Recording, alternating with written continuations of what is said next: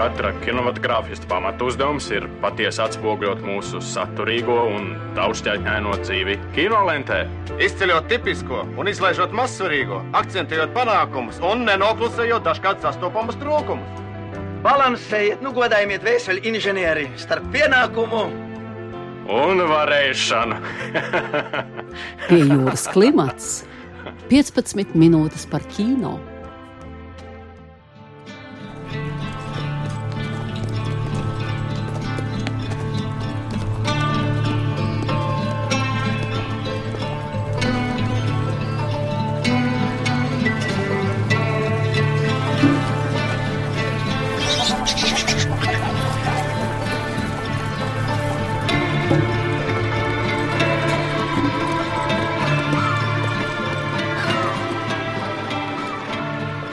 Labrīt, mīļie radioklausītāji!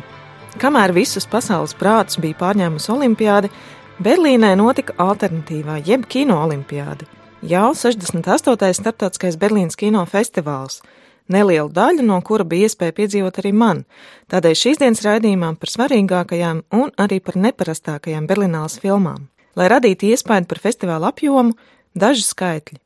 11 dienu laikā uz turpat vai 400 Berlīnālas programmā iekļautajām filmām tika nopirkti aptuveni 330 tūkstoši biļešu, turklāt festivālu apmeklēja arī vairāk kā 21 tūkstots kino profesionāļu no 130 valstīm, un no tiem 250 viesi pārstāvēja programmas filmas un tikās ar skatītājiem.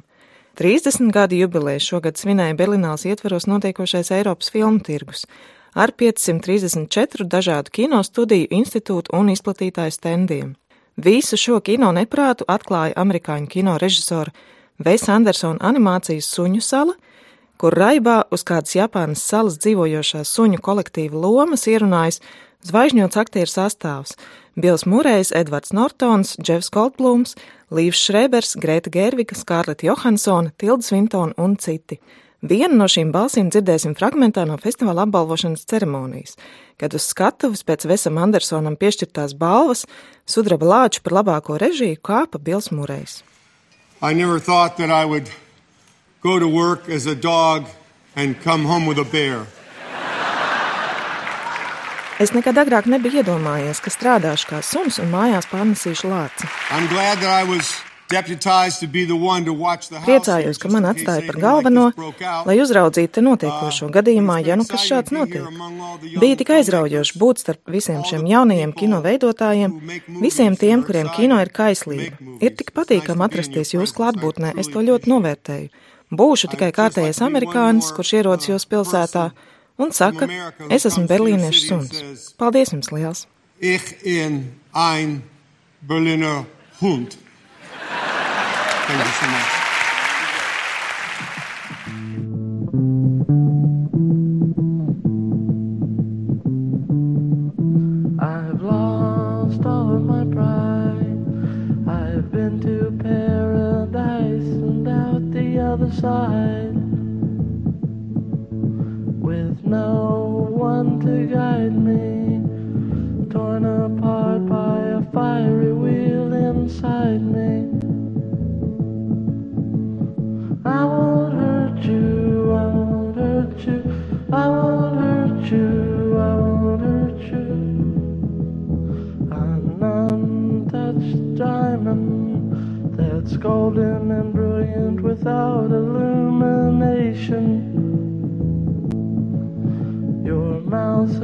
Constellation, the stars are in your a spaceship and try and go and find you. I won't hurt you, I won't hurt you, I won't hurt you, I won't hurt you. Nu pat mēs dzirdējām mazliet no suņu salas muzikālā pavadījuma West Coast Pop Art Experimental Band dziesmas I Won't Hurt You.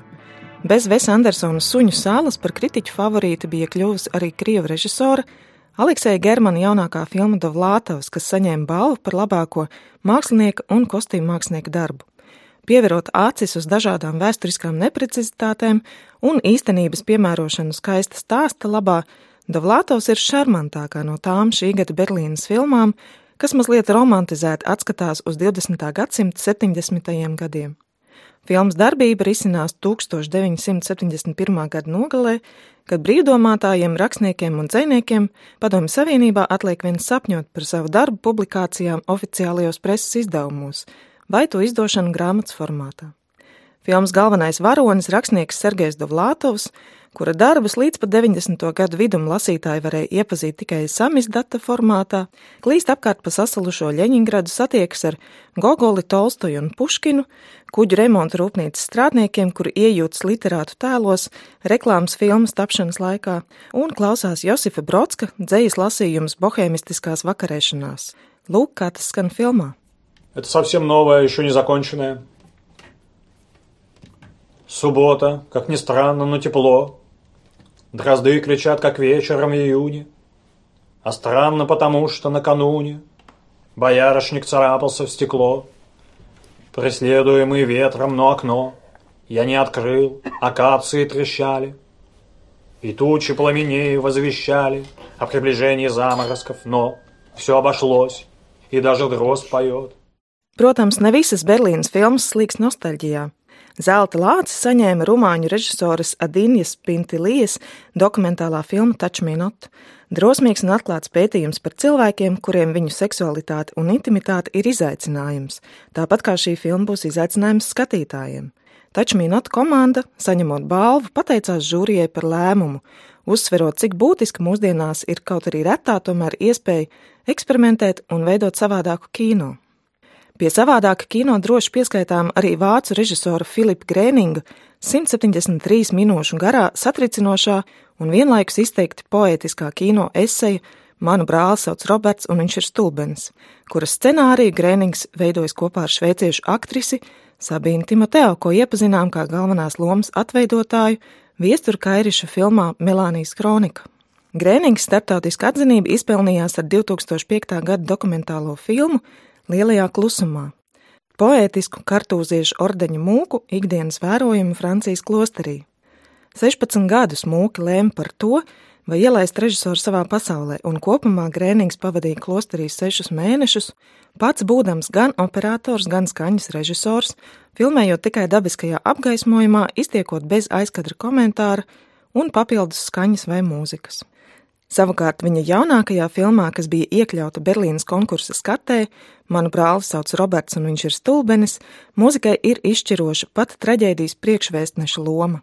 Filmas galvenā varone, gaišmataina meitene ar eņģeļa skatienu, nešķirs no sava plējera, kurā skan Serža Gensbūra 1963. gadā sarakstītais hīts Lažavanēze. Interesanti, ka šogad šo šansonu dzirdam jau otrajā filmā. Pirmā bija Giljermo del Toro ūdens forma.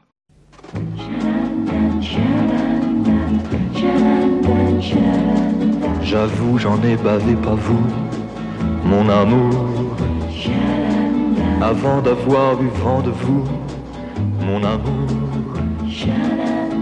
Ne vous déplaise dansant la javanaise.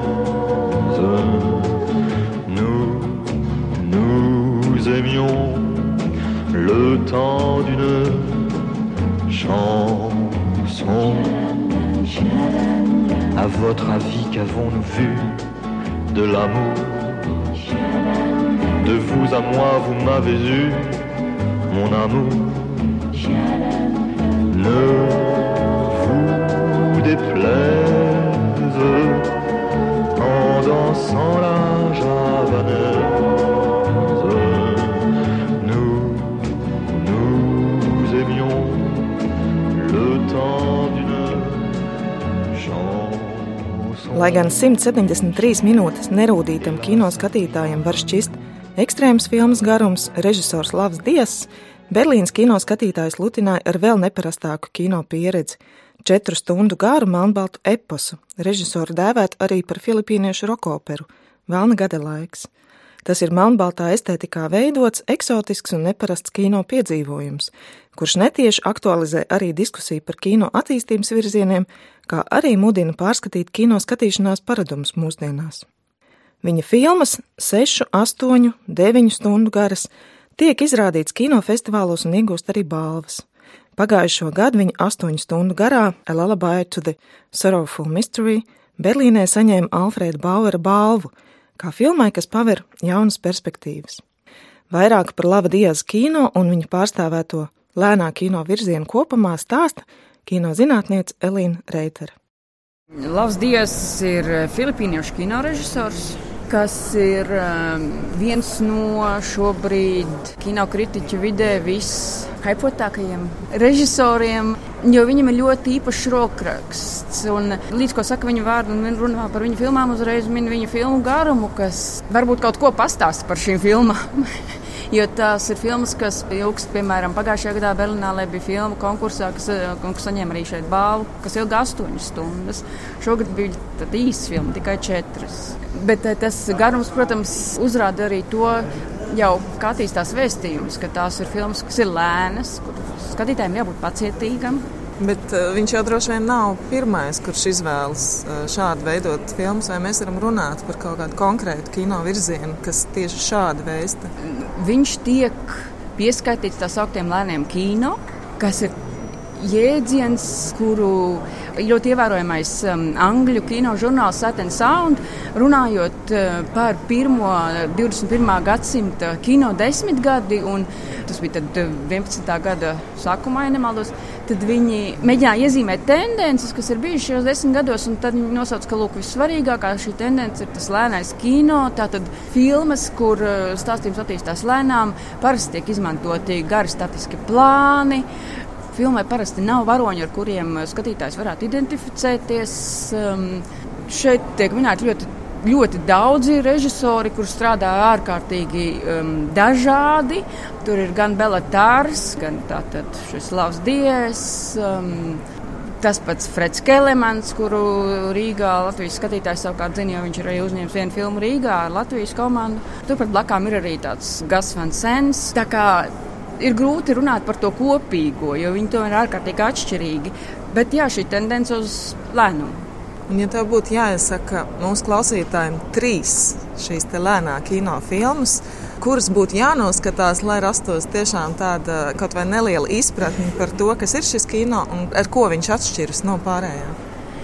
Varbūt sāksim ar skumju, jo es neticu, ka tā vienkārši Rīgā kinoteātrī ieejot, mēs tās filmas redzēsim. Ja nu vienīgi kāds kinofestivāls varbūt atvest šādu programmu. Nu, tādiem varbūt vēl vairāk zināmiem vārdiem, kā jau es minēju, būtu Belatārs. Jums liekas, Turīna zirgs ir rādīts Rīgā. Drīzāk var runāt par tiem, kas ir tādi čilēnā kino, varētu teikt, priekšteči, no kuriem var meklēt ietekmes. Tad, protams, runā par Tarkovski, Andrei Tarkovski. Tad runā, protams, par Michelangelo, Michelangelo Antonioni un runā arī par Endiju Vorholu. Tas būtu tas virziens, kurā meklēt. Un kas ir tava lēnā kinofilma? Tā, kas man pašai ir vismīļākā, tā ir Caimiņa eh, Jāna filma Goodbye Dragon Inn, kas ir filma par pēdējo seansu vienā kinoteātrī, kuru pēc tam arī aizslēdz. Latvijas varētu iztulkot kā atvedus no puķu viesnīcas.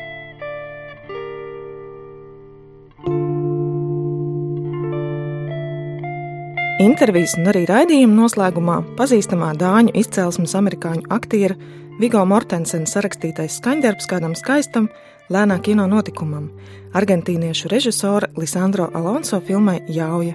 Šī filma ar Mortensenu titulu lomā 2014. gada Kanu kinofestivālā saņēma Startautiskās kino kritiķu asociācijas Fipresī balvu. Raidījumu vadīja Sonora Broka. Pījūras klimata producentes Inga Saksona un Agnese Zeltiņa raidījums tapis ar valsts kultūra kapitāla fonda atbalstu.